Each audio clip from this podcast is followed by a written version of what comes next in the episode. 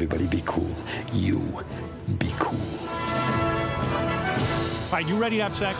Use a good kiss. We come in peace. We come in peace.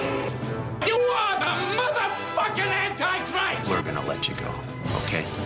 Ok. Film er best på radio. I'm gonna make him an offer he can't refuse. Nova Noir.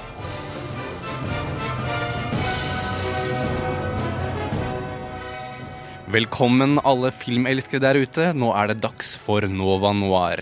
Mitt navn er Tage Rivas Tollefsen, og eh, det har vært litt sykdom i redaksjonen, så Ludvig, som skulle være med oss, eh, rest nesten in peace. Eh, nei da, han er, han er hjemme og blir frisk. Og så har vi fått inn Julie Oskar Andersen. Herregud, hallo! Du er jo veldig. vanligvis ansvarlig redaktør her på Nova, Som regel, ja. men du er jo eks-nover. Eks eh, Eller noirer. noirer. Ja. Så dette, jeg vil ikke si at jeg er glad for at Ludvig blir syk, Men det er litt digg også. men eh, jeg har det veldig gøy. Ja. Og til din venstre så har vi eh, Bjørn Christian Sveen, også kjent som BK. Det, det er korrekt. Det er korrekt. Ja. Hva er ditt forhold til Oscar, for det er det vi skal snakke om i dag, nemlig Oscar som blir utdelt nå natt til mandag. Nei, ehm, jeg har fått et, eh, et tettere og tettere forhold til uh, Oscarene etter hvert som jeg har vært med i Noir, eh, i motsetning til hele resten av verden. I motsetning. De har fått et mindre De bare Det har falt for Det resten av har falt eh, de siste årene. Det Ja. vi Men du har blitt flinkere og flinkere til å se såkalte Oscar-filmer, Bjørn. Det er, ganske, Det har jeg. det er jeg stolt av deg. Ja, takk. Ja. Men uh, vi skal snakke om Oscar, og uh, vi har også Hedvig Bø, vår medarbeider, som har vært og uh, intervjua både skuespillere og filmskaper fra Amundsen, som er aktuell nå på kino. Fett. Eh, Vi skal gå gjennom eh, skuespillerkategoriene, de som er nominerte. Hva syns vi fortjener å vinne? Hvem burde vinne? Hvem er ikke nominert? Eh, Alle skandalene som er skjedd fram til nå. Det blir recap, det blir meninger. Det blir skal- mange sterke meninger. Veldig mange sterke meninger. Kanskje vi ikke er venner for slutten av denne Ja, sendingen. vi får vi får se. se. Vi får se. Men først eh, så skal vi høre Backstreet Warriors av Misty Coast.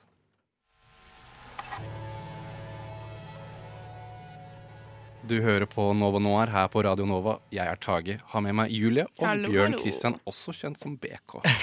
Det vil bare banke det inn. Kan ikke jeg også få et også kjent som? Jo, du er J. Jase. Oi. Det, OK, jeg vil ha okay, Julie skal- Det var Vi skal jobbe med den. Oscar. eh, Det er jo den 91. utdelingen eh, nå i år. Og det har vært mye rart som har skjedd opp til nå. Blant annet at de eh, annonserte for en stund tilbake at de ville introdusere Best Popular Movie. Hva Sånn fan favorite, liksom. ja. Og de har liksom prøvd og gjort mye forskjellig for å tydeligvis For de sliter med seertall. Så de prøver å redde Oscar med å gjøre mye nye ting. Og Ja. eh, de hadde jo et forslag for lenge siden om å introdusere popul beste populære film. Typ sånn eh, kanskje actionfilmer og de som har tjent veldig mye penger, da. Mest, ja, sånn uh, fan favorite, eller publikumsfavoritt. Jeg tenker ofte så er jo noen av de filmene som blir nominert til Best Picture, er jo litt sånn publikumsfavoritt. Så hvis det da blir sin egen kategori, så tar jo det noe vekk av mangfoldet i Best Picture-kategorien. Eh, og det er kanskje noe den kategorien trenger, tror jeg da. Så jeg vet ikke helt om det er en bra ting eller ikke. Det er litt sånn pandering, da. Litt sånn Å, men vi er ikke bare bare stuffy filmvitere som eh, vet hva vi driver med. Vi hører på publikum, se her. Og så er det litt sånn nedlatende klapp på skulderen. eh, Du tjente mest penger, og folk likte deg best. Gratulerer. Jeg er jo litt uh, kapitalist-hore, men det der ble litt for kapitalist-horete selv for meg. Fordi det der er altså bare for å Det er jo for å booste de filmene som allerede tjener uforholdsmessig gode penger. eh, Fast and Furious-franchisen uh, etc. Ikke noe vondt om det, men det burde ikke prisbelønnes. Det er jo halve sjarmen i de filmene. Det blir jo totalt usjarmerende hvis vi i tillegg skal få Oscarer bare for å være populære. Godt poeng. Og når filmer som Suicide Squad vinner Oscar allikevel eh, og den Det var ikke... for sminke. Jo, jo, men uh, det er en Oscar-film. Bare, bare føl på det. Det er jo ikke greit. Så skal man da utvide det til eh, Folk er dumme, da. Folk, altså, folk har dårlig smak. Det, det er ikke alltid Bare fordi det er det som har tjent mest penger og folk liker best, betyr at det er bra. Så det Jeg er veldig skeptisk. Ja, Men det skjedde jo ikke, fordi folk ble jo outraged. Folk likte ikke det her. Så de trakk seg på det. Og det er jo det som Oscar eh, Hva kan man si De som har lagd, eller de som står for produksjonen, har annonsert veldig mye rart og trukket seg på det. Så er det hele den Kevin Hart-skandalen, hvor eh, han eh, Det endte opp at han ikke ville være vert lenger. Så nå har de ikke en host. Så det er det store spørsmålet. Hva kommer til å skje nå? For at Sist det ikke var host, det var i 1989, og det ble et shitshow uten like. Folk fikk sparken, og Oi. eh, det har ikke skjedd siden. Men hva, jeg fikk ikke helt med meg. Hva var det som skjedde med Kevin Hart? Eller hva var hele greia der? Tingen var at eh, det kom opp eh, at han hadde tweeta masse litt sånn ufine ting for mange år siden. Eh, typ sånn eh, veldig sånn anti Veldig sånn homofobe ting, da. Mm. Og så kom det opp i, eh, i nyhetene og at folk ville at han skulle beklage osv. Og, og eh, Oscar, de som leder produksjonen, sa at han måtte beklage for at han skulle ha For han kunne jobbe da, for å være verten, og det ville han ikke gjøre. For han hadde, mener at han hadde beklaget for første gang det her kom opp, for det er en stund tilbake. Og så endte det opp med at han trakk seg, for han ville ikke at fokuset skulle være på han og den Han er- kontroversen osv. Han er jævlig god på det der. Med en gang det er liksom noe, noe tegn til oppstuss rundt Kevin Hart, så er han bare 'unnskyld, jeg legger meg flat', og så er jeg ferdig. Da er han bare stille, bare stille en stund og sender ut meldinger og liksom bare Takk til fansen som fortsatt støtter meg. Jeg driter meg ut. Det er helt tydelig jeg driter meg ut. Og så er det liksom Altså, han ruller eh, videre. Det er egentlig ganske godt jobba av han. Eh, ikke det å skrive homofobiske tweets, da, men eh, å takle liksom kritikken på en veldig profesjonell måte. For han gikk jo ikke, han ble jo ikke buta eller noe sånt. Han gikk direkte ut på dagen og trakk seg som host, eh, tror jeg. Mm. Så ja, så det var hans valg at han trakk seg. Mm. Ja. Og så er det ingen som har villet hoste etterpå. Så det er det store spørsmålet. Hva kommer til å skje nå? Jeg føler at de roter det til ganske ofte, da. Mm. Det, er, det er Jeg har bare inntrykk av at det er noen som sitter og tenker veldig eh, høyt om seg selv om sånn, sånn skal det være, og sånn skal vi gjøre. Og så sitter de og brainstormer nye morsomme kategorier som folk kanskje kommer til å tweete om og like, og så går det til helvete, og så bare prøver de så hardt, men får de ikke til. Gang på gang på gang. Ja. Det, er jo, det er jo litt morsomt, da. Og så ikke bare dette. De har jo også annonsert det for noen uker siden at de skulle ikke Altså det var fire kategorier som ikke skulle bli vist direkte på TV. Og det her var blant annet beste cinematografi, eh, redigering blant annet. Og eh, disse da vil bli vist under reklamepauser. Og da, da, da klikka det for filmbransjen, for det her ville de ikke gå med på. Og det var jo mange store eh, eh, regissører videre som uh, skrev under på sånn kampanje om at de syns at dette burde faktisk uh, Ja. ikke skje. Og så har de trukket seg på det også, så nå skal de vise alle 24 kategoriene på TV. Men jeg føler det er litt sånn der klassisk Det er folk som sitter og så tar beslutningen her, som er veldig sånn der sånn klassisk sånn som studioheads ofte er. er sånn, det her er sånn som folk liker. Det her syns folk er kjedelig. Det her må ut. og det blir jo nesten uten unntak hver eneste gang noen føler de vet hva som er populært eller ikke populært, uten å se på noen tall eller gjøre noen undersøkelser, så går det til helvete. For da at eh, altså, du sitter ikke med den derre altså, Spesielt de som lager Oscarene, som stort sett er gamle hvite menn som ikke har vært i takt med Zeitgeisten siden Ja. slutten av 70-tallet.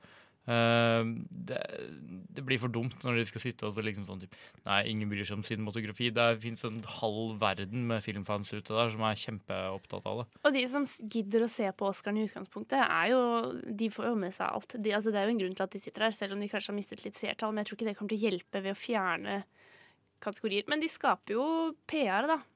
Ja, Så det gjør de. det er, kanskje det er litt med vilje. Jeg vet ikke. At det er litt eh, planlagt. Nei, jeg vet ikke. Det, er- det er spennende. Og jeg, jeg tror kanskje det folk er mest uh, nysgjerrige på, de som har fått det med seg i hvert fall, er jo hva, hva gjør de nå, nå som det ikke er en vert? Det pleier å være en åpningsmonolog osv. Hva skjer nå? Um, hva hva, hva syns dere om å se på Oscar generelt? Syns dere det er gøy? Er det kjedelig? Er det noe du gleder dere til? Jeg tror kanskje det beste med Oscar, eh, eller Oscar-utdelingen er jo å sitte med andre og se på. Spesielt her i Norge, hvor må du se på midt på natta. Eh, for da blir det en sånn stemning rundt det, og man har laget popkorn og bestilt pizza, og kanskje man drikker litt, og så krangler man om hvem sin favoritt er. At det handler mer om det da enn selve utdelingen, men det sosiale man skaper når man sitter sammen og ser på. Ja. Det setter jeg veldig pris på. Synes jeg er veldig hyggelig. Men det er veldig slitsomt, da. Det er en begivenhet, og jeg syns det, det er veldig gøy. Jeg har jo mer hatt en tendens til å se det dagen etterpå. Uh, fordi det passer veldig sjelden å sitte oppe til langt på natt på en mandag uh, for min del. Men hvis du er en av de som liker å sitte oppe hele natta og se på det, så skal Nova Noir ha livesending og dekke det live på eh, søndag natt til mandag. Og vi skal mene mye om de som er nominert i de for ulike kategoriene nå. Så vi skal først høre Young Josef med 'Lactation' før vi diskuterer det her. Young Josef, 'Lactation', og vi skal nå snakke om kvinnelige biroller. Du har med, meg, du har med deg Julie og Bjørn og meg, Tage. Uh, vi kan gå gjennom de som er nominert først, tenker jeg. Da har vi da Amy Adams fra Vice. Uh, Marina de Tavira fra Roma. Regina King, If Beale Street Could Talk. Og Emma Stone fra The Favourite og Rachel Weisz fra The Favourite.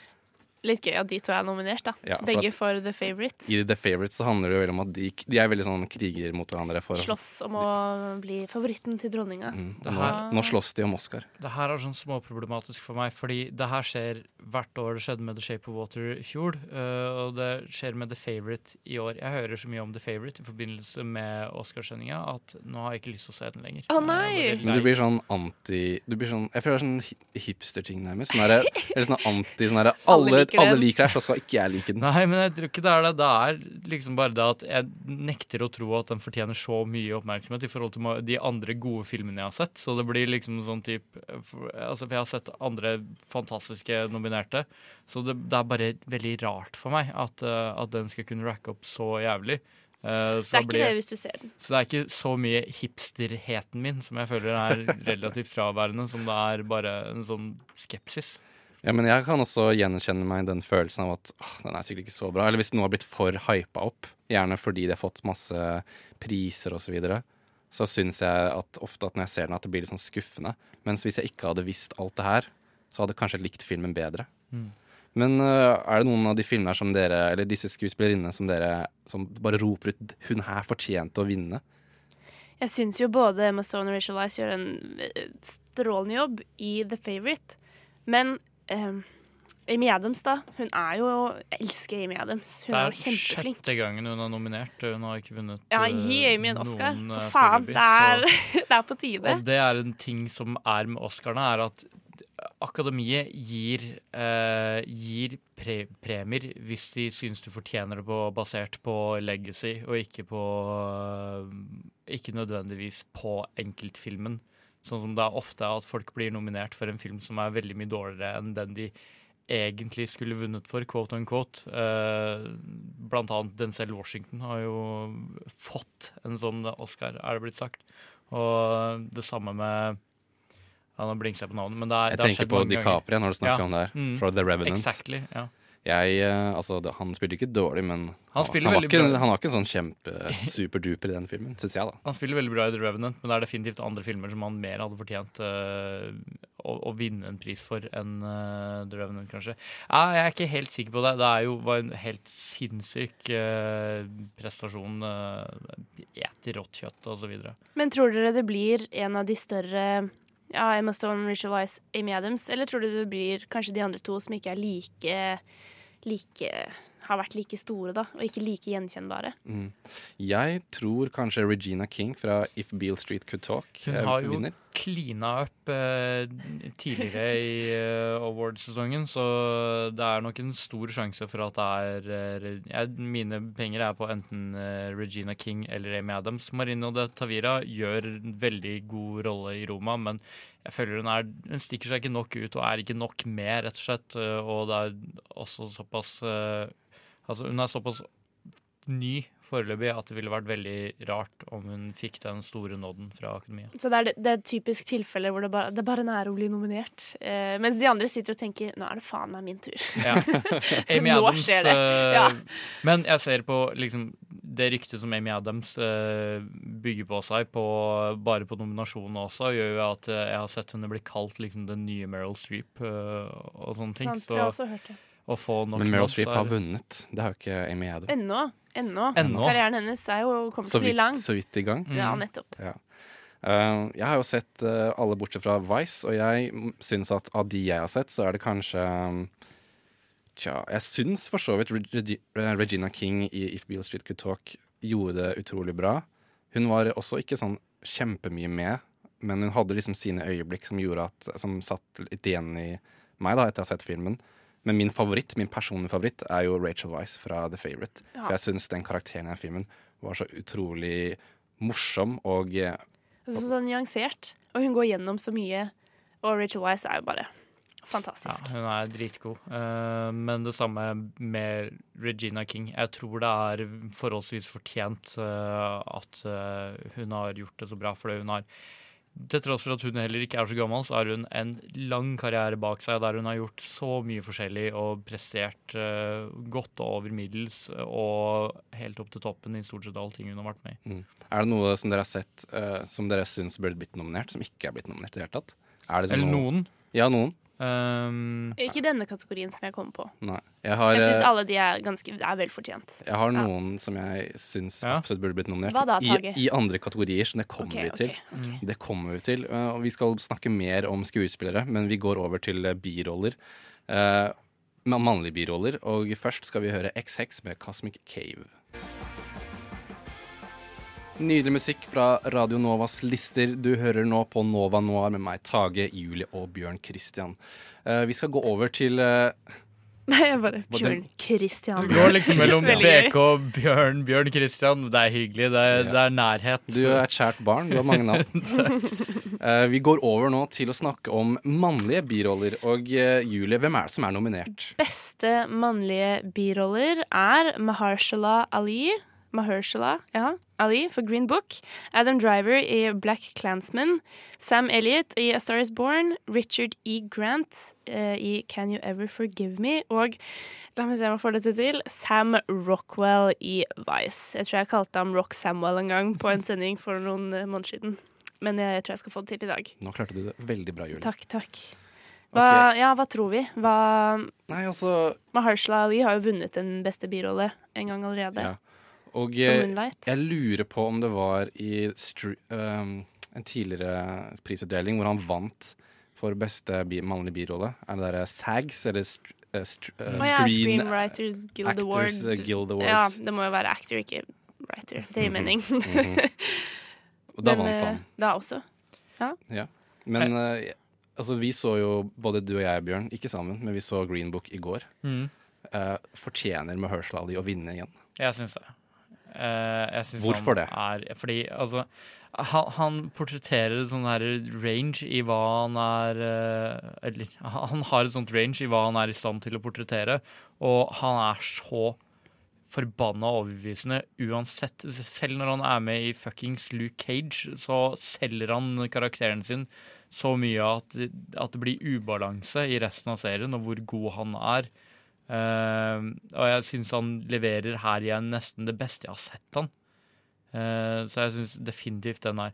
Jeg syns, uh, veldig at eh, Sam Rockwell er Han er god som, som Bush i, i Vice, men ikke på Mahershala Ali-nivå.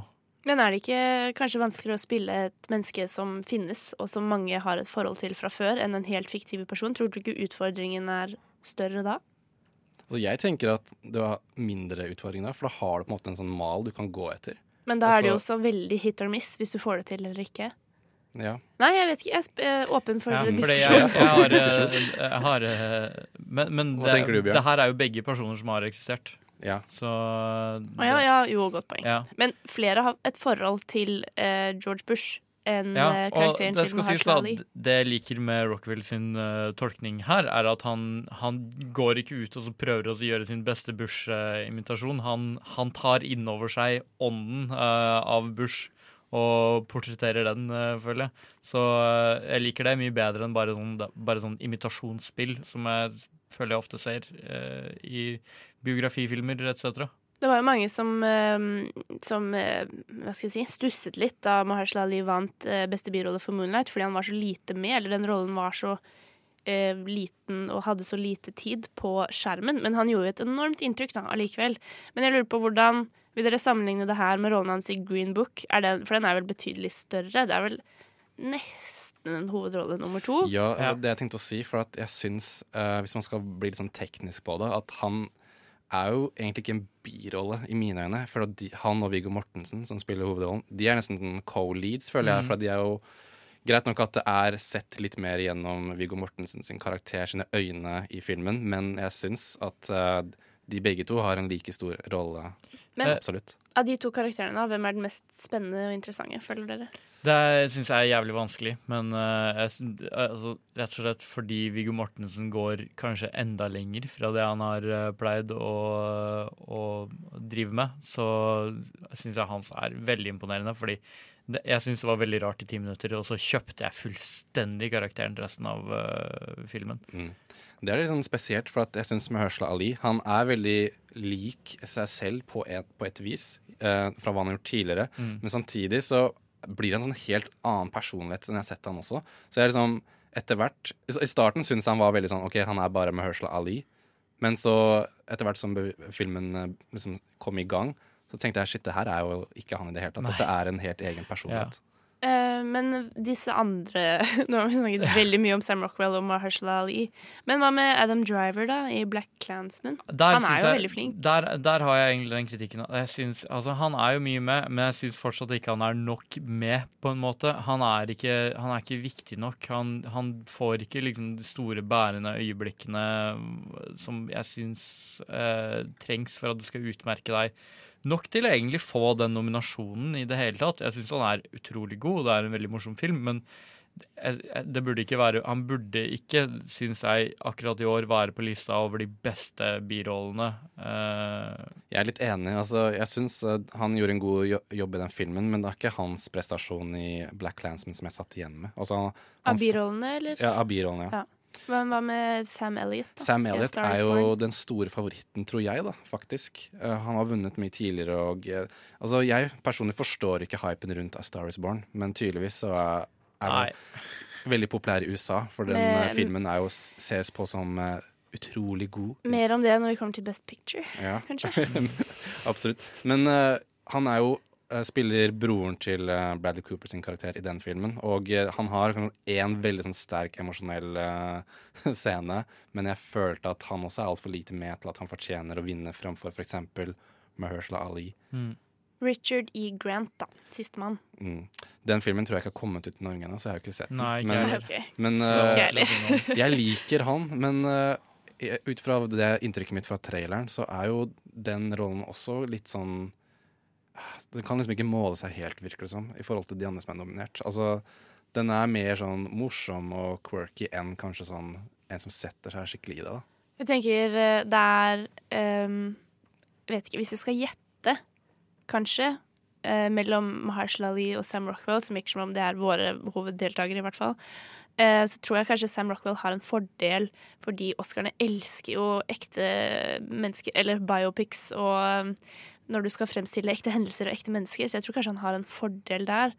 Og spesielt kanskje med tanke på at Mahershala Ali allerede har vunnet en beste birolle. Kanskje The Academy, ikke Men det har Sam Rockwell også, det som ja. er så ja, spennende. nei. Men hvor nylig er det, da? Det er ganske... det var var det for var- det var. Three Ja. Billboards Outside Ebbing, Så det var Mahershala Ali, eh, Sam Rockwell, og så nå er det Nei.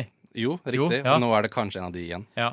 Ja, okay. Og der, uh, Sam Fordi- Elliot stiller seg veldig i den lista over folk som jeg tror fort kommer til å vinne fordi han fortjener Ja, det. det er det også. Eh, Han er sånn vært i gamet lenge, og uh, han gjør en veldig Alltid god vært god, men aldri liksom fått helt stikke seg ut. Uh, ja. Mm. jeg ikke egentlig vi ble noe klokere av å, å prate om det. Vi er liksom, nå er vi bare tilbake til start. Ja. Nei, med tanke på eh, at jeg ikke har sett, uh, eh, sett eh, A Star Is Born, fordi jeg klarer ikke. eh, for den ser så jævla kosegod ut.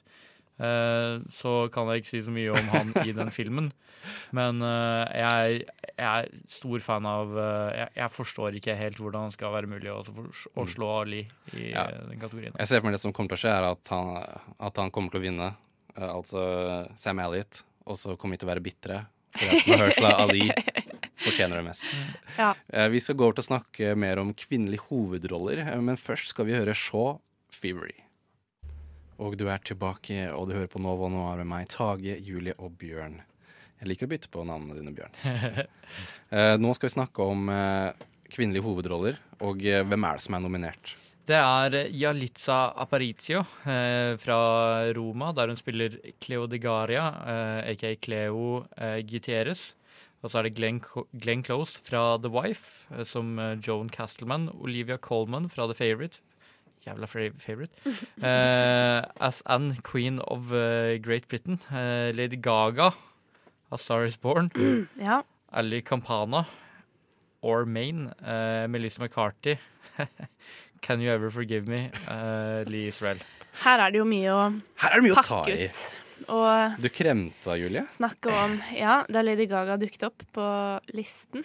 Hvorfor kremte du? Um, fordi jeg OK, ok, jeg skal prøve å være litt reflektert, da. Ikke Fordi- bare Til dere der ute, hun har ikke sett filmen. La oss, ok. Hun har ikke sett filmen. Uh, la oss legge det til grunn først. Jeg har ikke sett A Star Is Born. Uh, og Lady Gaga som sanger og artist, uh, så har hun jo drevet veldig mye og vært på en scene, og du må jo eh, formidle en emosjon når du synger, og det er jo ikke Det, er ikke, det kan jo ha litt å si, liksom, kan sammenligne litt med å være en skuespiller.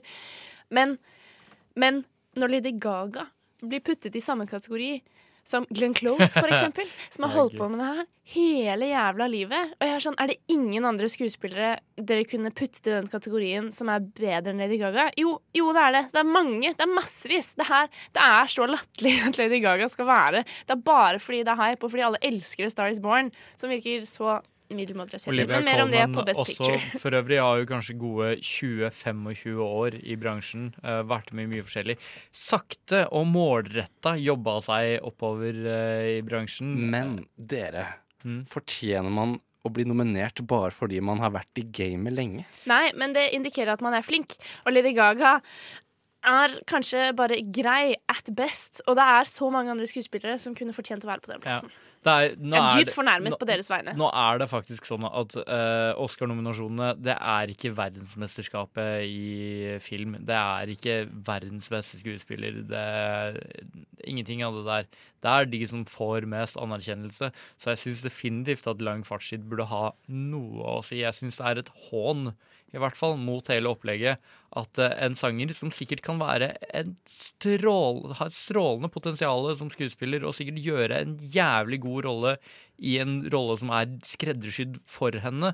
Igjen, jeg har ikke sett den. Jeg tar veldig Men det er akkurat det. Jeg tar, jeg tar veldig selvkritikk for det, men det virker at, eh, utrolig, utrolig rart at det skulle kunne komme rett inn og være amazing skuespiller, sånn at du fortjener å bli liksom nominert, nominert til verdens mest kjente filmpris. Men tingen er at akkurat for denne historien, akkurat A Star Is Born Det, her, det er jo liksom komme opp fra ingenting til å bli superstjerne. Nei, hva, Hun er en Ja, men Jeg føler at hun kan er relatere så sykt fra sitt eget personlige liv. Og hun leverte i mine øyne Hun har jo hatt en kjempekarriere. Hun trenger jo ikke å bli skuespiller oppå, Nei, nei. oppå alt sammen. Nei, nei, hun har jo hvis hun oppnådd så utrolig mye fra før. For... Det er ikke sånn at hun er sånn den fattige, fattige kunstneren i gata som endelig har fått sin store ikke, jeg, jeg er ikke helt enig med det der. Sånn, eh, bli der du er hvis du ikke har eh, noe behov for å bli anerkjent. eh, altså, nå er du kjempekjent uh,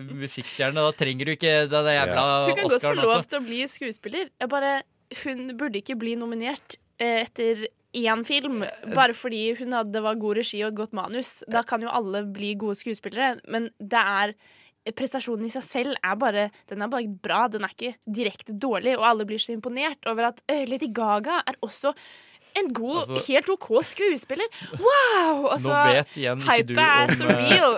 Nå må vi igjen eh, spesifisere at Julie ikke har sett filmen, så hva hun baserer disse meningene godt, på, det vet ikke jeg. Godt Men okay, De er sterke, i hvert Ja, fall. de er sterke. Uh, ikke bare Lady Gaga. Uh, det er også uh, Jalizia Parisio. som er, Parisio. som er dritgod. Men som jeg heller ikke vet om er bare dritgod fordi at hun er riktig casta, eller fordi hun bare er så vilt god skuespiller. For jeg har aldri sett henne i noe annet. Dette er hennes dessverre. første film, Roma. Det er hennes første film.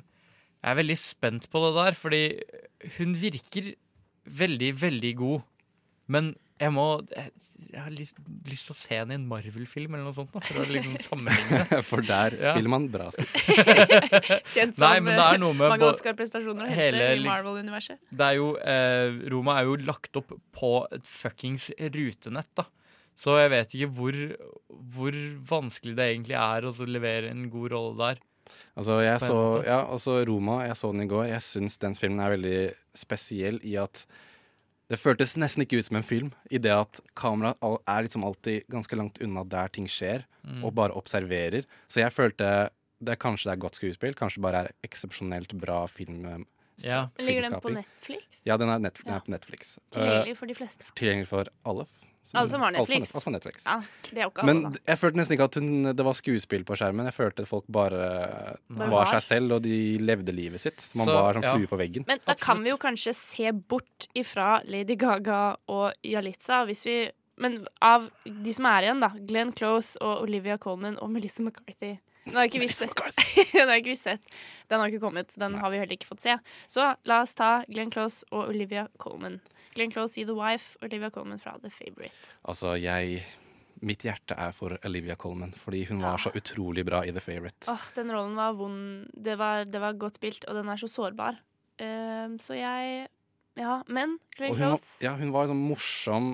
Hun var alt. Og jeg følte at filmen uh, lå så utrolig på hennes skuldre. Ja, det er jeg enig i. og hun leverte på alle plan. Og at, uh, med også to så andre sterke skuespillere som eh, Rachel Nei, som Jo, Rachel Weiss. Rachel Weiss og, og um, Emma Stone. Jeg holdt på å si eh, Rachel Stone og Emma Weiss, Men eh, eh, så er det jo vanskelig å skinne, tror jeg. Men det hadde jo ikke Olivia Colman noe som helst problem med. Mm. Å stjele, eller stjele rampelyset. Nei, fordi hun er en dreven person i faget sitt. Hun Vet hva han driver med. ikke bare slengt inn her. Eh, Forskjell, ok, Jeg føler at forskjellen med Lady Gaga og Olivia Colman er at Olivia Colman gjør den rollen og har så mye å tilføye den rollen på egen hånd. Eh, og at det er eh, Jorgos eh, Latminos Lat, som har regissert den eh, filmen. Eh, hadde, gjør det fortsatt veldig bra, men at det er Olivia Colman som spiller den rollen, betyr også veldig mye.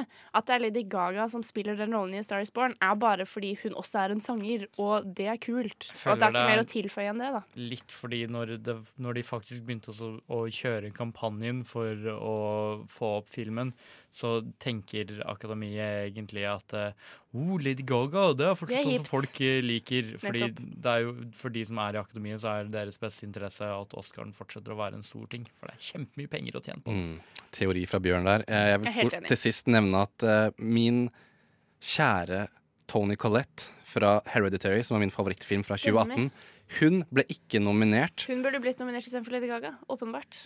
Altså, hvor, hvordan er ikke hun nominert? Fordi Den filmen var utrolig bra, og Uh, Altså, jeg har forsvart Lady Gaga litt nå tidligere, bare for å gjøre det, men jeg, jeg, nå vil mine egentlige kommer meninger komme her. Sånn, spark Lady Gaga ut, og så putt eh, Tony Collette inn, for at Ja.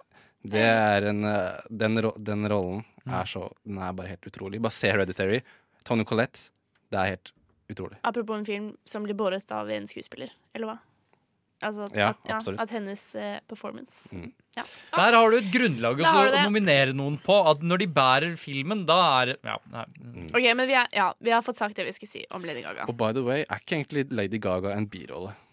Jo, Just saying. Hvis vi har hørt at Ali er birolle, så er Lady Gaga uh, birolle. Ja. Nei, nei, nei. Oskar, hva gjør dere? Men vi skal videre. Vi skal snakke om mannlige hovedroller, og etter det eh, Nei, sorry. Vi skal først høre et intervju som Hedvig Bøe har gjort med både skuespillere og filmskapere fra den nye aktuelle filmen Amundsen. Men først Crispy, I Want To Tell You. Crispy med I Want To Tell You hørte du nå. Og eh, Hedvig Bø har vært ute og intervjua både filmskaper og skuespiller fra den nye norske storfilmen Amundsen. Forrige uke var jeg på visningen av den nye norske storfilmen Amundsen, en dramatisk film om livet til en helt ekstrem mann. Roald Amundsen var, eller er, verdens største polfarer, men dette kom ikke helt uten utfordringer. Husk nå, Amundsen. Det viktigste for forskningen i de arktiske eiene er ikke hvem som kommer først. Vi bare gjør det. Vi bare gjør det. Det betyr at vi må lyve for alle? Tenk på hva som skjer hvis dette går bra. tenk hvis det går. This is no longer an expedition. It's a race. Har jeg uttrykt meg uklart? Vi kunne like gjerne vært på en fremmed planet, vi. Og da tenker du altså at det skulle være uten risiko? Etter visningen fikk jeg muligheten til å intervjue regissør Espen Sandberg. Han er kjent for filmer som eh, Max Manus og Kon-Tiki, som han regisserte sammen med Joakim Rønning. Disse handler også om norske helter. Hvorfor ble egentlig Amundsen den neste på lista? Det er fordi jeg følte at det er en historie som på en måte har alt. Eh, det er et utrolig personlig skjebnedrama. Han hadde en sånn fantastisk kraft og, og vilje som er veldig bra for en hovedperson. Eh, og det var et veldig dramatisk liv. Eh, og så var det med kjærlighet og action og flykrasj og um, storpolitikk og alt mulig rart, egentlig. Så jeg bare så at dette her er en helt utrolig spennende. Ikke bare fikk jeg møte Sandberg, men også Pål Sverre Hagen, som spiller Roald Amundsen i filmen, og Trond Espen Seim, som spiller en annen norgeshelt, nemlig Fridtjof Nansen. De kunne fortelle meg litt om hvordan det var å portrettere historiske karakterer, eller norgeshelt, som jeg kalte det. Ja, det, altså Når man skal jobbe med en sånn, som du sier, norgeshelt, så det blir det jo veldig fort tydelig at det, det begrepet helt, det faller jo veldig fort eh, vekk. Liksom. For det er veldig fort så kjenner man at man har med å gjøre et menneske, så klart. Eh, på godt og vondt. Eh, som alle oss andre. Eh, og, og det som har vært spennende for meg, har jo vært å prøve å å utforske hvem han er liksom, bak dette her stjernestatusen. For, I sin tid liksom, Roald Amundsen var jo verdenskjendis, liksom. Uh, men hvem er det? Hvem var det egentlig? Uh, det, det, har vært utrolig spennende å utforske dette ganske vanvittige og ganske ekstreme livet som han levde. Jo, jeg syns det, det, var veldig interessant, det. Du mm. leser jo mye, du har hørt mye. Mm. Eh, så var det jo selvfølgelig veldig stas å spille med på Sverre. Mm. Det syns jeg var en, eh, en, opplevelse. Og de to sammen, eh, der han ene han Nansen han hadde jo veldig god timing. Han gikk på ski over Grønland, og Norge skulle bli Norge. Mm. Og, og, og Amundsen han hadde litt dårligere timing på et eller annet vis. Så jeg synes det var interessant å forske i altså Her har jo Nansen også en klar funksjon i forhold til Amundsen. Mm. Eh, så nei, jeg bare syns det var spennende. Mm. Men hvordan forbereder man seg egentlig til å spille Roald Amundsen? Ja, det har vært et intenst arbeid eh, mm. før vi gikk i innspilling med dette. Fordi at eh, livet hans er så stort og, og på mange måter gåtefullt. da. Mm. Eh, det er en, en, mystisk person, dette her. Eh, og det å prøve å, å finne, finne frem til hvilke Eh, sider av han vi skal fortelle om, eh, det har jo vært eh, et stort spørsmål. For hva skal du ta med? Altså, disse utrolig spektakulære ekspedisjonene som han holdt på med, med fly og skip og hunder og luftskip, og, altså, som er jo helt vanvittig. Det er jo selvfølgelig en utrolig viktig del av dette. Og så er det jo liksom hvem, hvem er det mennesket som gjør det? Um, så det å pløye ned i dette og, og utforske hvordan vi skal klare å, å yte hans liv rettferdighet på film, det har, mm. vært, eh, det har vært en kjempejobb. må jeg bare mm. innrømme. I filmen så er det jo knapt ikke til å kjenne igjen som Pål Du ser jo ut som Roald Amundsen fra de bildene vi har sett. Var det en omfattende prosess? Ja, det var en omfattende prosess, eh, selvfølgelig. Én ting er jo sminken og, og, og den altså, legendariske ørnenesen til Roald mm. Amundsen, og få på den. på en måte. Men så er det jo òg det der å få å få det til å leve, da. Eh, og det er jo der dette svenske virkelig verdensledende sminketeamet er så bra. Fordi at de, de hindrer ikke meg i å spille rollen min. Mm. Um, samtidig som vi kan uh, gi noen av disse karakteristiske trekkene mm. til Roald liv på film. Da. Ja, jeg, jeg, tror at det teamet vi hadde på makeup, de er de som også hadde den hundreåringen. Jeg tror de vant Oscar for. De, altså de de var helt fantastiske. Det mm. tok fem timer, tror jeg. Mm. Eh, og det er, det, er jo, det er, jo, mange faggrupper på, på, en film som har arbeidsplassen sin der. Og den arbeidsplassen for sminkørene den respekterte vi fullt og helt. Der satt vi ja. helt musestille. Det tok fem timer, men det var det verdt. I 2017 fikk Espen Sandberg sammen med Joakim Rønning regissere den femte Pirates of the Caribbean-filmen, en amerikansk produksjon, og kunne fortelle litt om hvordan det var å jobbe i USA kontra lille Norge. En, veldig mye er likt. Vi har en fotograf, en klipper, en rekvisitør og alt det der, men det er ikke så mange assistenter som det er i Amerika. Eh, så det gjør jo at vi er litt mer litt mindre, litt mer fleksible. Det er kortere vei til de jeg trenger å snakke med, og så får jeg lov til å bestemme litt mer enn når Disney er bak spakene.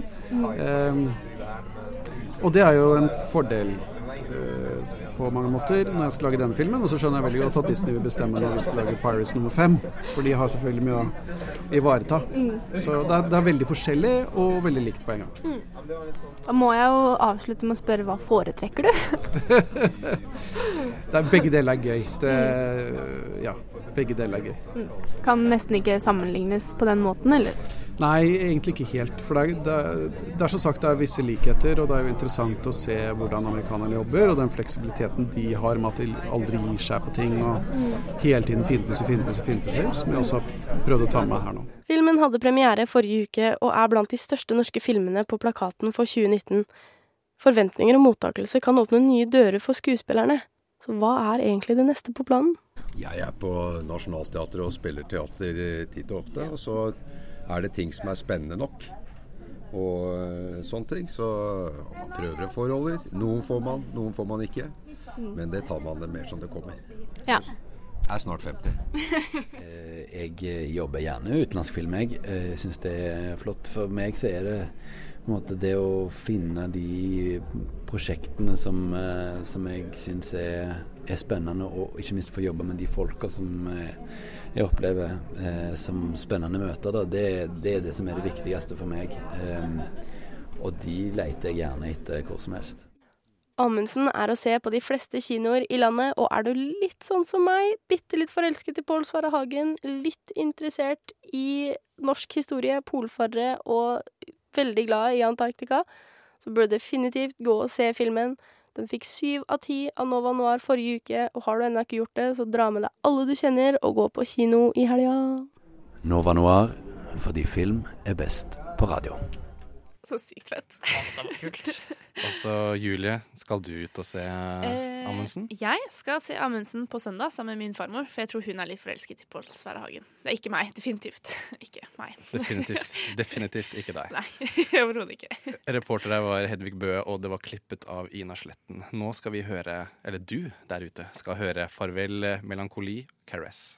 Caress av Farvel melankoli. Du hører på Nova Noir her på Radio Nova, og eh, Julie og, og, og, og Oskar, holdt jeg på å si, og Bjørn. ja, Oskar. Jeg kalte deg mye rart, men du heter, det du heter faktisk ikke Bjørn Oskar er ikke så gærent, da. Oi, ja, der. Men da hadde kallenavnet hans blitt BO.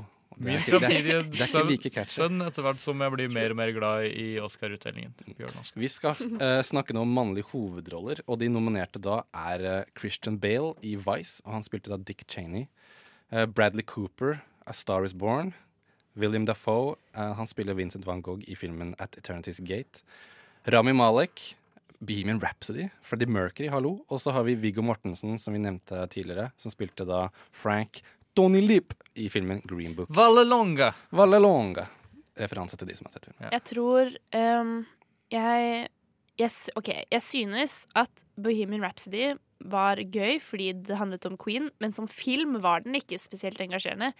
Eh, Så den eneste kategorien jeg syns det er greit at Bohemian Rhapsody er representert, er beste mannlige skuespiller. Fordi Rami Malek gjorde en jævlig god jobb som Freddie Mercury i den filmen. Men det er det eneste som er Oscar-verdig. Um, så jeg håper jo litt han vinner av den grunn, bare fordi det er ikke hans feil at den filmen var litt sånn middelmådig, egentlig. Uh, fordi hans prestasjon var helt, helt fantastisk. Jeg er enig i at eh, filmen ikke er megagod, men jeg syns det, det var en jævlig bra film. Jeg storkoste meg da jeg så den eh, på kino. Ja, men den er ikke helt er Oscar-verdig, syns jeg, da. Beklager. Nei, nei, nei, jeg er enig i at filmen ikke er det. Så jeg er enig med deg på alt annet enn det. Da skal jeg bare spesifikt si at jeg likte den veldig godt. eh, Følte for å få Jeg likte den jo, jeg også. Jeg Men- bare syns ikke den fortjener å vinne Best Picture. Nei, nei, nei. Det kan Og dere at, ikke å eh, reise. Men de eh, filmatiske virkemidlene var litt sånn. Men Ja. eh, gøy å De se Queen, da. filmalske virkemidlene Sånn, ja, historiefortellingen, eh, hvordan de brukte plottet, hvordan de Ja, men dette er ikke egentlig en sending om Bohemian Rhapsody, og det er jo Best Picture. verdt å snakke om. Ja, nei, jeg bare mener ikke at eh, Jeg syns det var helt legit uh, lagt opp uh, hele filmen, uh, egentlig. Det er bare at det er ikke Det er, det er jo bare en stor hyllest til uh, Til Queen? Til Queen, uh, eller mer spesifikt til eh, Til eh, eh, Hjelp meg! Freddie Mercury. Freddie Mercury. Ja. Ja, men, Eh, men dere begge er i hvert fall enige i at den, han fortjente å bli nominert Ja, for den han, han fortjente å bli er i. Ja. Og han har vunnet eh, priser fram til nå, så det er jo tydeligvis at eh, andre er enige der ute i filmbransjen. Det er jo litt det, det, vi, det vi snakket om i sted, hvordan eh, det å portrettere et ekte menneske ofte blir veldig verdsatt hos eh, Oscar-gjengen, da. Men det er jo flere her som eh, er ekte mennesker, som Christian Bale blant annet. Ja, som Dick Cheney. Dick Cheney. Jeg tenker at eh, det er jo nesten en automatisk nominasjon. Fordi når noen pre spiller en president, så må de automatisk bli nominert, nesten. Ja, og så er det jo gimmick-regelen. Eller vise, ok, visepresident i dette tilfellet, men han var jo også Hvis man har sett filmen, han var jo på en måte egentlig president. Okay, Det, det er jo en sånn gimmick-regel også, at hvis du legger på deg mye vekt, tar av deg mye vekt, eh, spiser rått kjøtt eller gjør andre sånn veldig utprega ting for rolla Gjør gjør noe ekstremt. Ja, gjør noe ekstremt. Så, Så fortjener du en nominasjon. spis uh, fire kilo grus, liksom, så har du en Oscar-nominasjon, føler jeg. Det, Det skal, det er ikke, skal ikke mer til, nei. nei, det er litt Men jeg lurer på, har Christian Bale vunnet noe tidligere? For også Oscar? Jeg tror ikke det. Fuck. Jeg, jeg tror ikke det. Og jeg ser for meg at han kan nå få en sånn der, som du nevnte tidligere, Bjørn. Ja. Du, han, er- han fortjener det. Han har gjort nok til at han nå gir han en Oscar. Jeg syns uh, Viggo Mortensen og Rami Malek var bedre på en måte, men uh, han fortjener det kanskje hvis han ikke har uh, fått noe før, holdt jeg på å si. Han har vunnet i 2011. Mm.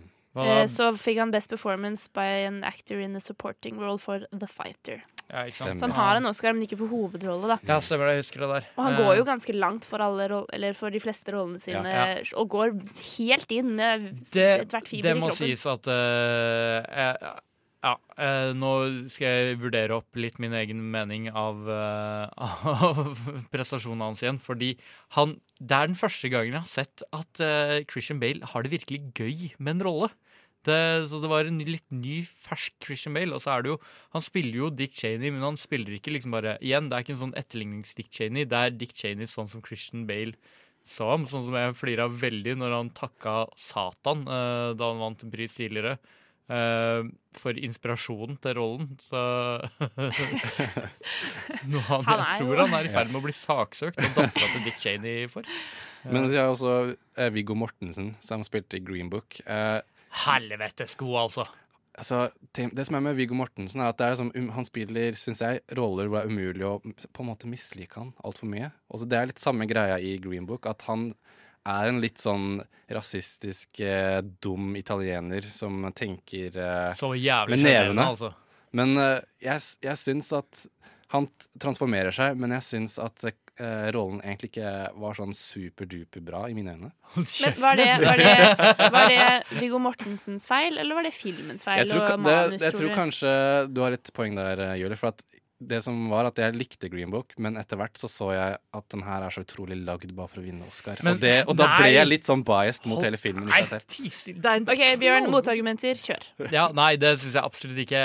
Det er den beste filmen jeg har sett siden, uh, siden eh, Blade Runner 2049. Uh, beste Ja, det jeg har er store ord for deg, ja, det er, Bjørn. Det er store ord for meg. Eh, så jeg syns det var en helvetes god Jeg syns ikke det var spesielt Oscar-baity. Det var en god historie som tok for seg store sosiopolitiske problemer. eh, og den representasjonen av eh, Tony Lipp eh, er Det er nå er jeg fra bygda. Det er hvis du skal liksom endre meningen til folk som er oppvokst på en viss måte, sånn som han sier I'm from the Bronx, I always lived in the Bronx. Keep, keep the food on the table for my family. Hele den der eh, tingen der. Han er veldig den konservative fyren. Og han får liksom meningene sine eh, gradvis endra, ikke gjennom å bli liksom neddebattert eh, eller innse at han tar feil. Han bare sånn blir eased into it, og det er nesten det du må gjøre. Jeg synes det var en god representasjon av eh, av hvordan psykologi fungerer, og hvilke problemer som eksisterer og har eksistert. Det er noe virkelig liksom sjelfulle øyeblikk i, det, i den filmen der som bare sånn Som bare fikk meg til å sitte nesten sånn derre tom for pust. Og ja, det går mer på best film, da. Men igjen, jeg, jeg syns rolla er nøyaktig det den filmen trengte, og det er upåklagelig portrettert. Men ja, så hvis det hadde vært noen andre enn Viggo Mortensen i The Green Book, så hadde det blitt en dårligere film? Definitivt. Eller, ja. Jeg tror kanskje problemet mitt ligger litt mer i manuset enn eh, skuespillerprestasjonen. Fordi at jeg bare kjøpte ikke at den karakteren gikk fra å være en rasist som kaster glass hvor sorte har drukket fra, til eh, ti minutter seinere være sånn Det- det OK, da. sies- Jeg skal være din employer. Eller det, employee. det var kanskje det eneste som jeg hang meg opp i. Den, eh, den scenen der med de glassene, det er, det, er for, det er et for hardt utgangspunkt. De burde finne en annen måte å også representere det på enn Mm. akkurat det. Fordi det, var, det gikk fra liksom bare at at de er jævlig skitne til uh, De er- yeah, If the money is good Ja. enough, I'll take any job. Uh, ja. Ja, men, Men- men, William Men det er Defoe. William, William Defoe. William Defoe. Eh, den filmen har jo Gate, Jeg tror den kom, har premiere i morgen i norske kinoer, så jeg har ikke sett den ennå. Altså, men jeg elsker William Defoe. Disse Oscar-utdelingene gjør det jo veldig vanskelig når de skal drive og hype masse filmer som vi ikke får se, fordi det har ikke kommet til Norge ennå. Eh, veldig dårlig gjort, egentlig, syns jeg, på vegne av resten av verden. Men eh, William Defoe er jo et ordentlig powerhouse. Han, han er jo alltid flink i alt han gjør, egentlig.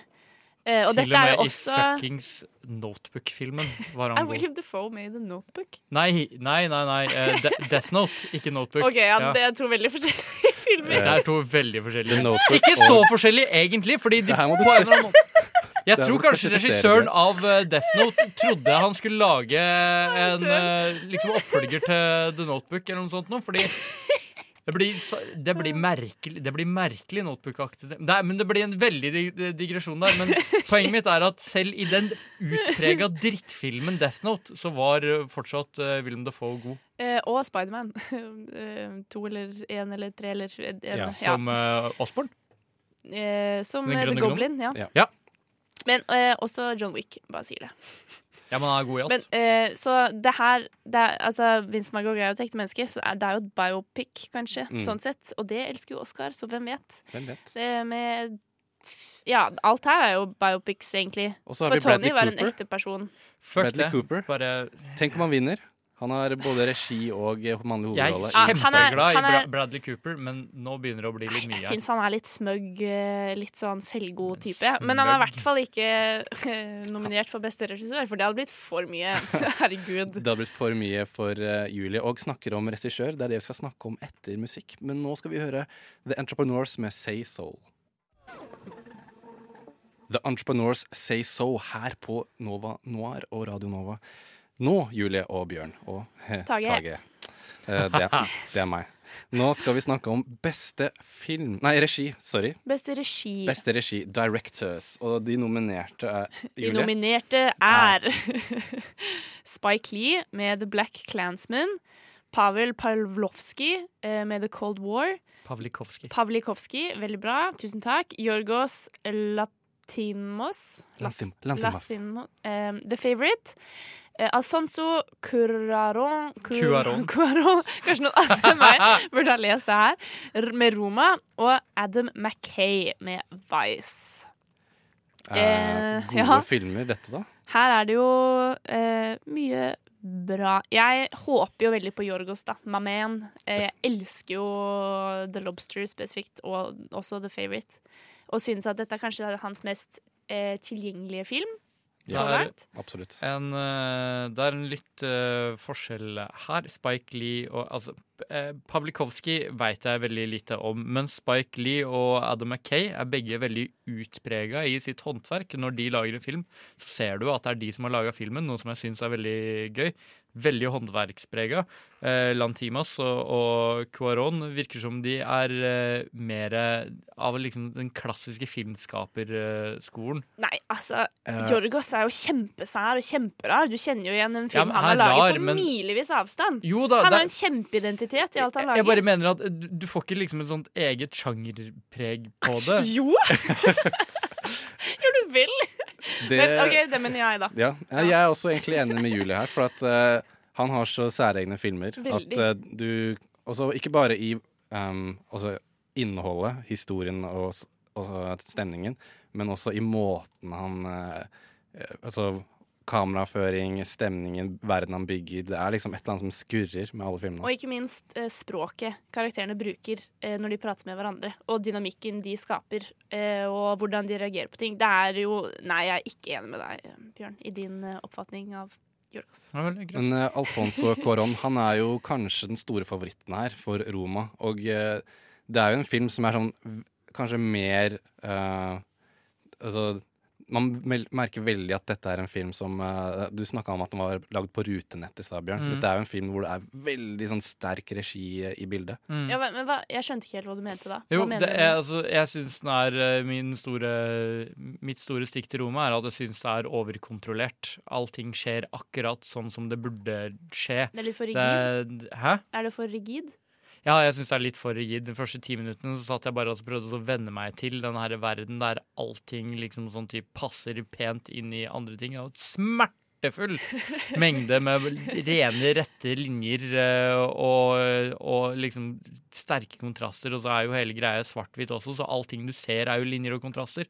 Så eh, det syns jeg var rett og slett eh, litt slitsomt i begynnelsen. Jeg venter meg til det etter hvert, men eh, Kanskje litt for mange eh, filmatiske virkemidler rett ut fra sånn Hvordan lage film i 101? Eh, jeg føl, det, den føltes litt OCD på en måte. Og det var egentlig litt det som jeg var ute etter å si, selv om jeg kanskje sa det på en veldig dårlig måte, er at Spike Lee og Adam Mackay er veldig sånn frislupne i måten de gjør ting på, mens de andre er liksom sånn type Der er det så massiv kontroll på allting som skjer i, i filmen.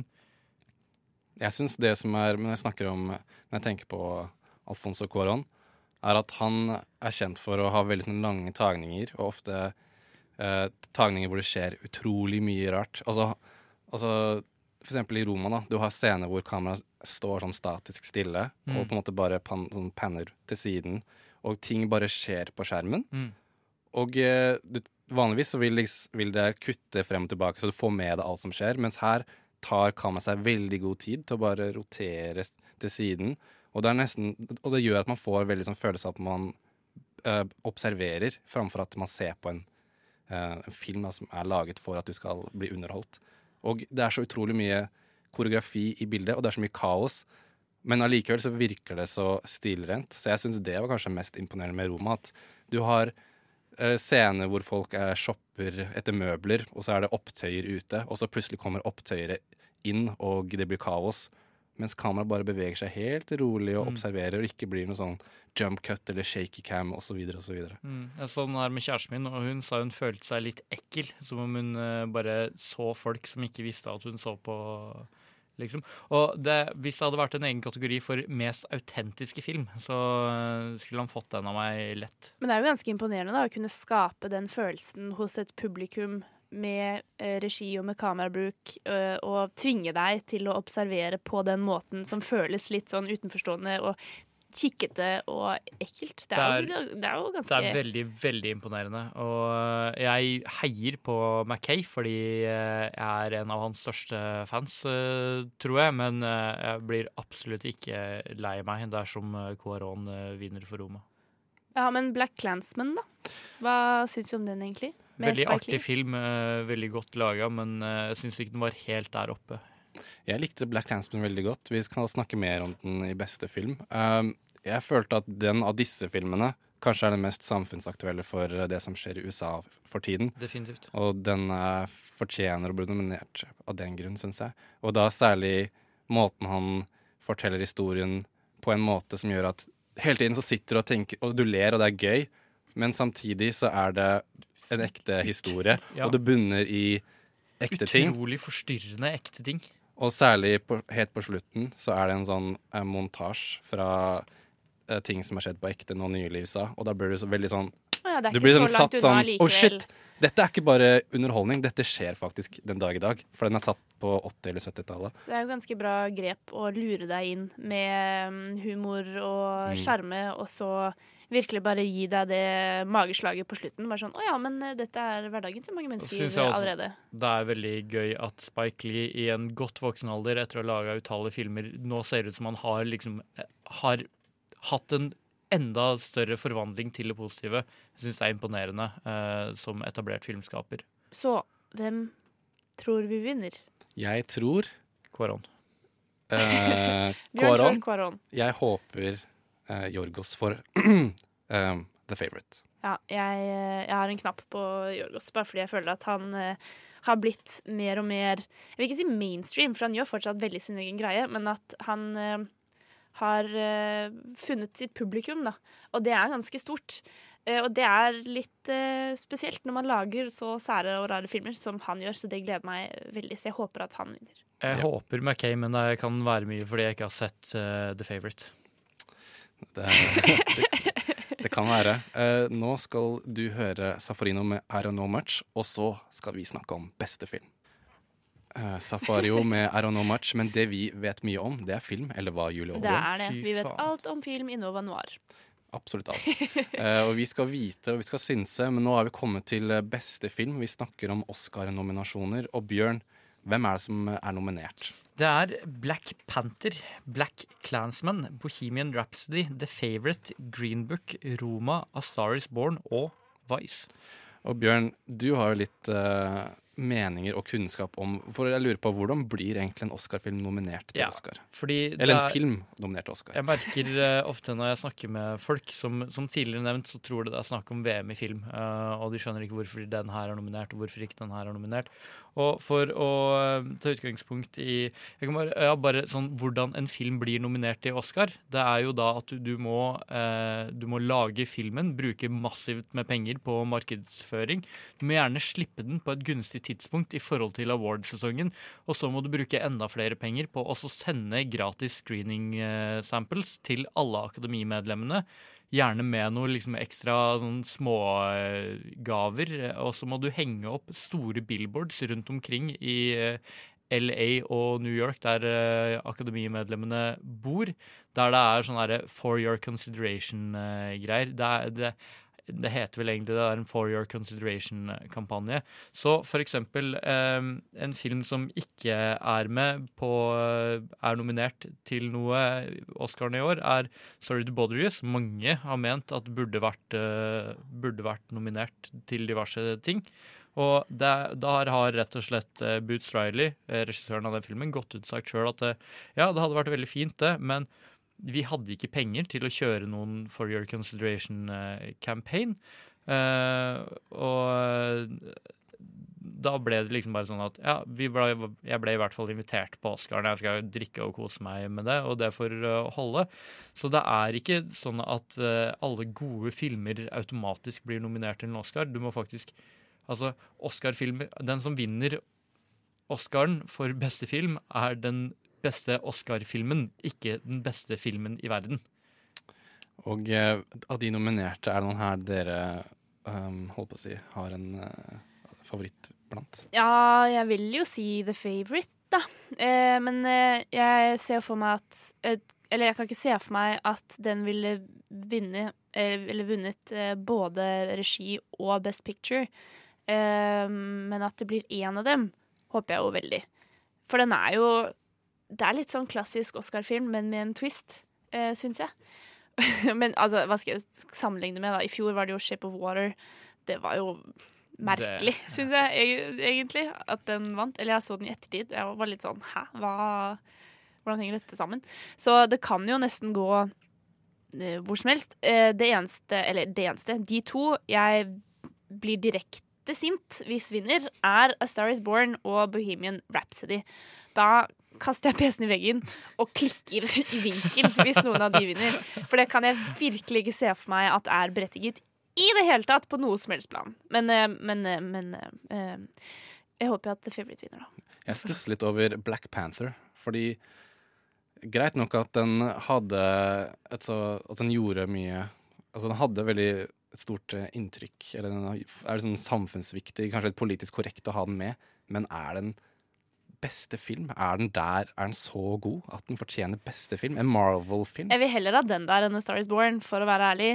Uh, for jeg føler at i hvert fall i sin kategori, som er en superheltfilm, da, sin sjanger, mer enn kategori, uh, vil jeg jo si at den uh, skapte et større univers enn det som har vært tidligere, og det var mer gjennomført verdensbygging, som er ganske viktig i sånne filmer. Og det var bare så ufattelig gøy å se på, og alt det de hadde funnet på, og hvordan de hadde eh, visualisert forskjellige ting, og hvordan alt dette hang sammen. Så jeg synes at den filmen er, i tillegg til bare å være en fryd rent estetisk, men også bare så morsom. Jeg føler at det er så mye glede som har gått inn i å lage den filmen. Og mange, eller noen Marvel-filmer sliter litt med sånn Um, å, vi har et kildemateriale, og så da bare gjør vi det fansen liker, og så gjør vi det for å tjene penger, og så blir vi ferdige. Men den filmen her følte jeg at hadde liksom det lille ekstra uh, og har litt mer personlighet da, enn tidligere Marvel-filmer. Og det kan jeg sette veldig pris på. Så jeg syns for så vidt det er litt gøy at den er der, for det viser jo at uh, Oscarene legger litt merke til hva som publikum faktisk liker, i tillegg til noe som er veldig bra. Ja, det er jo den eh, Altså, det forsøket på å minske avgrunnen eh, mellom eh, forskjellige forskjellige grupper eh, er jo eh, veldig ty tydelig her, både på Black, Pala Black Panther, Black Clansman, Green Book. Altså, eh, Green Book er jo en sånn kjøreguide som folk hadde på 60, som svarte hadde på 60-tallet, så de skulle, skulle kunne reise trygt fra sted til sted når de måtte mellom gjennom sørstatene. Så det er jo det bærer jo veldig preg av den tidligere kritikken, selv om, eh, selv om de som nominerte, stort sett også fortsatt er predominant hvite. Eh, jeg syns Black Panther, hvis du kutter tre scener der, så syns jeg absolutt det er en film som, eh, som fortjener her oppe. Mm. Fordi det er noen steder jeg syns det blir veldig kleint og keitete. Uh, men uh, min, min personlige favoritt er The Green Book, som kanskje ikke er så overraskende med tanke på at det var den beste filmen jeg har sett på år. Men det er gøy, for at uh, jeg syns jo Green Book, som jeg nevnte litt tidligere i sendingen, er veldig sånn Oscar-film i det at den uh, har veldig sånn typiske ting. Det er jo veldig sånn ofte på Oscar at uh, eh, eh, Nå knirker det litt. Ja, sorry. eh, Det er, solringen. soldringene. det er ofte filmer som har eh, politisk innhold som blir nominert, og eh, både Black Clansman, eh, Black Panther og eh, Green Book har jo denne her eh, sortes kamp uh, te det temaet i seg. Og uh, da blir de jo ofte nominert. Mm. Det har jo for eksempel, jeg syns det er litt rart at Barry Jenkinson If Beale Street Could Talk ikke ble nominert, men Ja, for eksempel. Black Panther ble nominert. Det syns jeg var litt interessant. Ja, Eller kanskje den kunne vært nominert istedenfor A Star Is Born, for eksempel. Enig Vill tanke. Akademiet har allting å tjene på liksom, å få opp filmer som folk bryr seg om, og Black Panther er den Mm. filmen som folk flest bryr seg Ja. om. De er veldig heldige, da, for da sjekker den jo to uh, Ja. punkter eh, sånn sett. det går litt tilbake til det vi snakka om helt i innledningen, at de har slitt med seertall i det siste, og da å kanskje ta en litt sånn eh, politisk korrekt og populær film nominert Den ble nominert til ganske mye annet også, men uh, også til beste film. Så det de virker jo som de prøver å spille litt på hva folk syns Altså favoritter også. da. Så de kanskje putta en sånn der eh, populær film inn i beste filmkategorien. Ja, Kanskje jeg hadde startet med det litt tidligere, og Blade Runner 2049 kunne vunnet Best Picture. Det Ja. hadde jo vært noe. Ja, for hvert år som går, så er, jeg, så er jeg sur på nytt over at den ikke er nominert. Nettopp. Så vi, jeg, sa- jeg syns det er en veldig fin uh, utvikling at de, at de har flere At de har større sjangerbredde i Best Picture-kategorien. Fordi det blir ofte veldig tørt og veldig det samme år etter år, selv om vinnere varierer, sånn som i Shape of Water i fjor, for eksempel. Men uh, det er jo, ja, det er jo den veldig klassiske Oscar-filmen, ofte et uh, biopic uh, om et eller annet uh, pulserende politisk tema, eh, og med mm, et, noen ordentlige stjerner eh, som er hovedroller. Så, men vi får jo se, da. Nå eh, Bohemian Rhapsody har ikke, har ikke noe der å gjøre ass, i det hele tatt.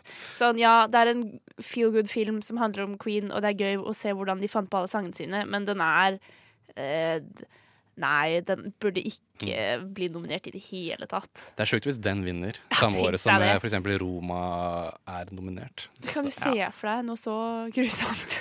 Det er det. det er, eh, I min bok så er det Nå har ikke jeg sett The Favourite ennå, men det virker som om det er den, eh, Green Book og Roma som egentlig burde stå her litt aleine, egentlig. De andre er veldig gode.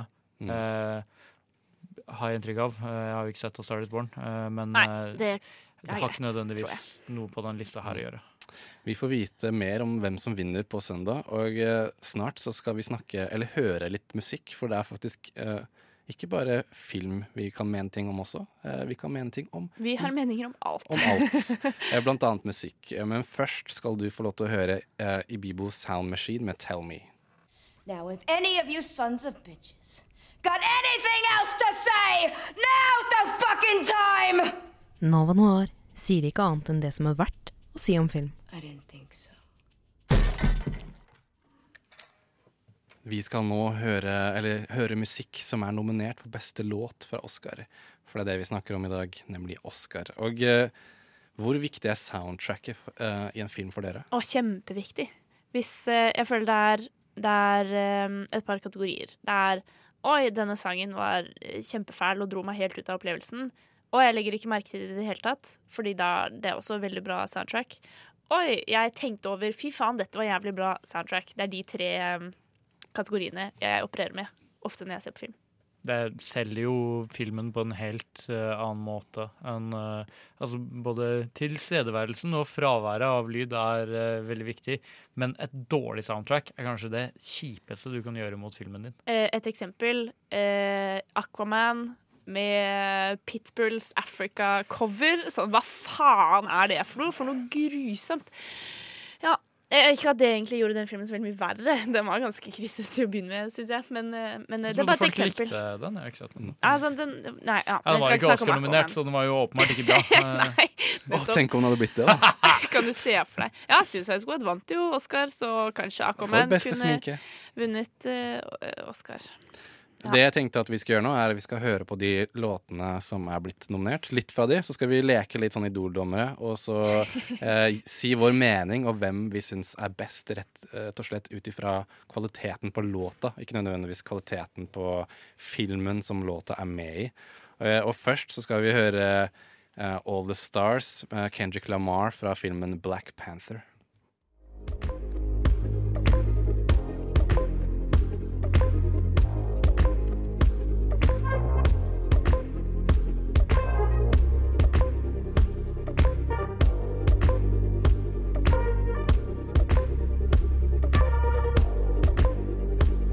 God beat. Ah, nei, det liker jeg ikke. Du likte ikke dette her, altså? Nei, altså, jeg syns altså- vanlig vokal er helt i orden. Jeg syns ikke du må ha for mye klang. Eller syns det blir litt sånn teit. Nå har vi tekniker Helje som står eh, Danser. og danser i studio. Og hun digger dette her. Så det der liker jeg mye bedre. Sånn ekte vokal. Det er god fil. Det er det kjipeste jeg har hørt. Uh, Så gammeldags. Aldri vært mer sint på deg i hele mitt liv enn Det er for mye klang! Jo, men kunne ikke bare hele, hele sangen vært en sånn type vokal? Hvorfor må det være sånn Det hadde vært ekstremt kjedelig- Nei, jeg syns den er fin nok i seg selv. Jeg syns ikke den trenger gimmicker for å bære, bære det. Mm. Så jeg, jeg Ja, sangen føltes litt gimmicky, men overalt eh, veldig fin. Jeg syns det, det var noe av det kuleste med Black Panther, at hele soundtracket var lagd av Kendrick Lamar. Ja, det var sykt fett. Og det gjorde veldig mye med filmen. Også. Det gjorde det. Skapte en musikalsk identitet som Marvel-filmer sjelden har. Er- Fordi musikken i Marvel suger. Jeg er litt partisk, for det er et av mine mest hørte album. Og, og den sangen der er den mest hørte sangen min i fjor. Eh, neste låt er, fra, er av Jennifer Hudson. Og hvilken film er det fra? Julie? Det er Ruth Bader Ginsburg-filmen. Som handler om dommeren Ruth Bader Ginsburg. La oss ta en liten uh, titt, holdt jeg på. En liten lytt. En liten hør. Den heter altså I'll Fight. When you feel you're taking all that you can take, Kraftballade, det her. Ja. Der, nå får du det du vil ha. Ja, klar vokal uten for mye tull. Er. Tekniker Helje rister på hodet. Dette er ikke hennes uh... Nei. Altså, jeg kan se for meg at den her er veldig kraftig når den kommer inn på riktig tidspunkt i filmen. Det kan jeg absolutt se. Ja, det handler om uh, the struggle. Og det er jo typisk sånn som man liker. Ja, den var fin, da. Ruth Bader Ginsburg er jo kanskje den beste høyesterettsdommeren som har vært uh, noensinne, så Jeg syns det her var litt var for generisk Ja, og den- kjedelig. altså, den, den var litt det er sånn basic. utrolig forgettable. Ja, jeg eh, Men kanskje det blir forsterket når man ser filmen, at den får litt mer uh, betydning da. Men eh, foreløpig foretrekker jeg All the Stars framfor uh, si, før, før vi hører neste, si. kan jeg bare komme med en liten sånn brannfakkel. Jeg, har Ja. jeg har ikke hørt, liksom med vilje, eller vært klar over å ha hørt en Lady Gaga-sang siden, eh, siden jeg gikk på ungdomsskolen. Ok, det, Nei, nei. det er jo godt gjort å klare å unngå det helt, Bjørn. Jeg har sikkert ikke unngått det, jeg har bare ikke vært klar over at jeg har hørt det. Mm. Kanskje du har hørt det, men ikke visste at det var Lady Gaga? Kan jo hende. Ja, og vi snakker om Lady Gaga, for det er neste vi skal gjøre. Og det er jo 'Shallow' med Lady Gaga og Bradley Cooper. Og denne tror jeg er den store favoritten til å vinne beste låt. Det er det eneste jeg godkjenner at uh, A Star Is Born kan vinne. Det eneste i hele, hele Oscar. Ok, men Skal vi høre da om vi syns hvordan det måler seg med de andre? Kjør på. Og nå hører vi altså konsertopptak fra filmen. Men er det et konsertopptak når det aldri var en ekte konsert? Når det var et film... Kan jeg en filmscene? Julie, bare nyt, bare nyt nå. Nei. Bare la meg nyte det Slutt øyeblikk. på meg. Men syns dere Bradley Cooper kan synge? Altså, han, han kan jo synge. Det er jo ikke stygt. Det er bare litt kjedelig for min del. Apropos generisk. Men Men det er eh, Lady Gaga som er den store helten i den låta. det er jo det. Ja, uten tvil. Jeg liker det her, men jeg er jo Bruce Springsteen-fan òg, da. Jeg vil bare høre litt Lady Gaga før vi skrur av. Du skal få ditt øyeblikk. Jeg husker jeg fikk litt frysninger da jeg så den her på kino. faktisk. Ja, men det kan jeg se på meg at man, at man får. Men Nei, jeg kan snakke det. Der er hun!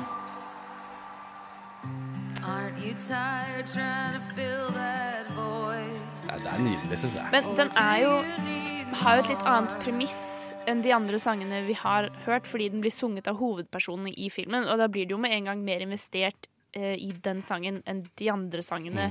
Fordi den tar større plass i filmen og skaper et mer direkte øyeblikk, da, vil jeg tro. Ja. Så det er jo det er, jeg vet ikke, det er litt annerledes premisser for den sangen her. Og det er jo hele det, Dette utspiller seg i den første scenen hvor han faktisk, uh, Bradley Cooper i filmen, klarer å tvinge Lady Gaga sin karakter opp på scenen og synge sin egen låt. For at han har liksom falt helt pladask for henne og liksom prøver Ikke bare det at han Alle må se det jeg ser, at du er så Ikke- fantastisk, og at du må stole på deg selv, ikke- og det er ja. den ene personen av de 99 du skal prøve å imponere, bli, bli, bli. Men det er ikke bare det at han er så forelsket i henne som person, men det er det at han mener at hun er uh, a star som, star som musiker. Men jeg skjønner jo, jeg skjønner jo det, og at det ga frysninger. uh, men men uh, litt samme grunn som i eh, Bad Times etter El Royal, hvor de bruker, det er en sangerinne som de bruker for alt det er verdt i den filmen. Og de øyeblikkene er veldig fine, men, men Det ble litt kjedelig den fjerde og femte gangen. Ja, men jeg vet ikke hvordan det er med Star Is Born, da. Hvordan de bruker musikken på den måten. Jeg tror uh, faktisk denne låta altså, Du, vil det det, være, vil det enda mer er effektivt å se uh, når du ser den i kontekst av filmen, fordi da er det så mye, mye sterkere. Det er ikke bare en, uh, musikkperformance i bakgrunnen som ikke har noe med det som skjer på skjermen Eller ikke, ikke er fremført av de som er på skjermen, mens her har du liksom kontekst i historien og faktisk også. Det her er den Eh, eneste kategorien der Bad Times at El Royal kunne vært uh, Det er sant. Det er sant. Beste kvinne Nei, men hun er vel hovedrollen. Eller har hun Ja. Ja, OK, Bjørn. Sorry. Jeg, tankene mine. Men sånn er det når de spiller musikk for meg. Tankene mine begynner å spinne. Da, Ja. ja. Og nå skal vi høre Emily Blunt med 'The Place Where The Lost Things Go' fra Mary Poppins. Mary En helt annen eh, stemning nå. Dette syns jeg høres bra ut. Jeg likte den veldig godt, men jeg så den dubbet på norsk. da. Det var egentlig et skuff. Ja. Vi fant ut av det etter vi hadde kjøpt billetter. Emily Blunt snakka norsk. Det er veldig Disney. Det er jo det. And the morning light. Searching for the things you used den er så to fin. know. Og strykeren i bakgrunnen. Jeg føler at den er mer emosjonell enn eh, Lady Gaga-sangen. For hun synger til barna fordi de har mistet moren sin. Og når hun synger hun om det, det er kjempetrist og kjempefint. Det er jo der filmen starter, da, Bjørn Haugt. Sier de i traileren. Det er det filmen handler om. Dere ødelegger. Nei da. Eh, Det syns jeg var veldig bra. Altså. Ja, jeg- vi, vi, vi ødelegger litt der når jeg hører på podkaster, så er noe mest irriterende som noen kan gjøre, er å snakke over når jeg prøver å høre på musikk. Men det er sånn vi har valgt å gjøre det stikket, så da får det bare gå. Det må nesten bare tåle. Men jeg likte den sangen. Jeg liker den veldig godt. Mm. Uh, og i hvert fall nå som jeg fikk høre den på engelsk uh, med Emily Blunt, som er uh, kjempeflott, og jeg elsker henne. Så jeg Jeg syns det var litt har den, kjedelig. har den i hjertet. Bjørn syns det var kjedelig. Det Jeg syns det var fint. Julie Jeg tror kanskje du Julie likte den her best, og så Ja, meg, og så. Bjørn. Mm. Eh, Eh, men ja, for du likte All the Stars. vel? All the Stars er ja. Den heier du på. Jeg håper jo kanskje litt at, uh, at den vinner, på vegne av deg, Bjørn. Takk. Jeg kan du se for meg at det er mer sannsynlig enn at Mary Poppins-sangen vinner. Jeg må innrømme det. Eh, hvis A Star Is Born vinner for det her, så det er det eneste jeg kan akseptere. Det er det eneste Det jeg kan selge meg bak. Selv om jeg hadde foretrukket Black, Black Panther-sangen. Jeg syns Jennifer Hudson-tingen var den som var liksom for kjedelig, for utprega, Mest generisk. Eh, De andre kan jeg alle sammen se. Jeg blir ikke sur om noen av vinner. Men jeg tror vi, tar, vi avslutter med å høre på eh, Du skal få lov til å høre, hele When a Cowboy Trades His Spurs for Wings. Og den er fra filmen eh, eh, oh, oh, Hva heter den? Den er på Netflix. Nå, nå blanker jeg helt oh, på navnet. Eh, jo, jo, det står her. Det står her. The Ballad of the Buster. Strugs. The Yes. Ballad of the Buster? Nei. Nei. Ballad of Buster Strugs. Det er et navn. Buster Strugs. Oh, ja. Unnskyld, da. Dere snakket i munnen på hverandre. Det var litt vanskelig å høre. Cohen-brødrene-film. Den er på Netflix. Uh, vær så god.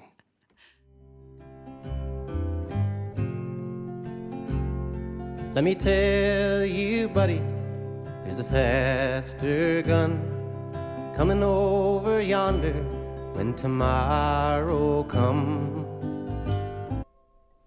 Vet When- ikke om jeg vil at den skal vinne When a Cowboy Trades His Spurs for Wings. beste sang. Han var jo stemningsfull, men jeg vet ikke om jeg ja. Men jeg liker representasjonen av ulike sjangere. Det er sant. Det er sant. Det er veldig Det er ikke, det, det er ikke noen like sanger på lista. Det er det ikke. Så det skal de ha. Det Vær så skal de god. Oskar. De har Godt god jobba. representasjon i sjangere når det gjelder musikken. Ja, når det gjelder musikken. Kanskje ikke så mye ellers. Det sa vi ikke det samme Eller- om uh, Jo, beste film, Best? Picture. Men uh, hashtag Oscar so white. Ja. sånn rett på tampen. La oss diskutere det. Det har vi ikke tid til, dessverre, Julie. Men vi har snakket om uh, alt som heter Oscar eh, når det gjelder skuespill, regi og beste film. Og eh, det blir spennende å se. Det jeg gleder meg nesten mest til, er å se hva gjør de med verten. Blir det verdt? Blir det ikke verdt? Hva Ja, skjer? Det blir, eh, det blir noe å se på. Kan jeg bare slå et lite slag for beste animasjon? Ja, kjør på. helt på. på tampen. Spider-Verse, eller Into the Spider-Verse, eh, den filmen er så nydelig og så fantastisk. Hvis den ikke vinner, da vet jeg ikke helt hva jeg skal gjøre med meg selv. Den kategorien der har jo vært veldig kontroversiell veldig lenge, for det er bare Disney, Disney, Disney, Disney spamorama uten kritikk eller noen ting. Kanskje fordi det er litt som Bjørn fortalte i sted, om hvordan det faktisk fungerer med penger og diverse.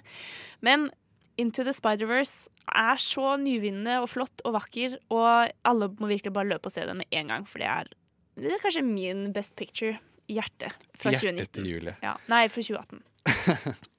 Men uh, vet du hva? Hvis dere liker å snakke om Oscar, og hvis dere liker uh, Eller hvis du skal se på Oscarsendingen live, og, men du har liksom lyst til å ha selskap du har, du med. Du har ikke en gjeng å gjøre det med, så kan du høre på Radio Nova eh, natt til mandag, fordi vi skal sitte her i studio og dekke hele showet. Prate med deg, si våre meninger og dekke det live. Så jeg har vært Tage Rivas Tollefsen. Jeg har hatt med meg Julie Oskar Andersen og Bjørn Kristian Sveen, også kjent som BK. og bare Bjørn. Og bare Bjørn. Og Christian. Ja. Bjørn Oskar. Bjørn, Bjørn. Ja, ja. Hør på Novo Noir hver tirsdag, nei, tirsdag, sier jeg, torsdag okay, fra 10 til torsdag. 12. Eh, og vi har podkast på Soundcloud. Sjekk det ut. Sjekk det ut. Ha det bra. Ha det.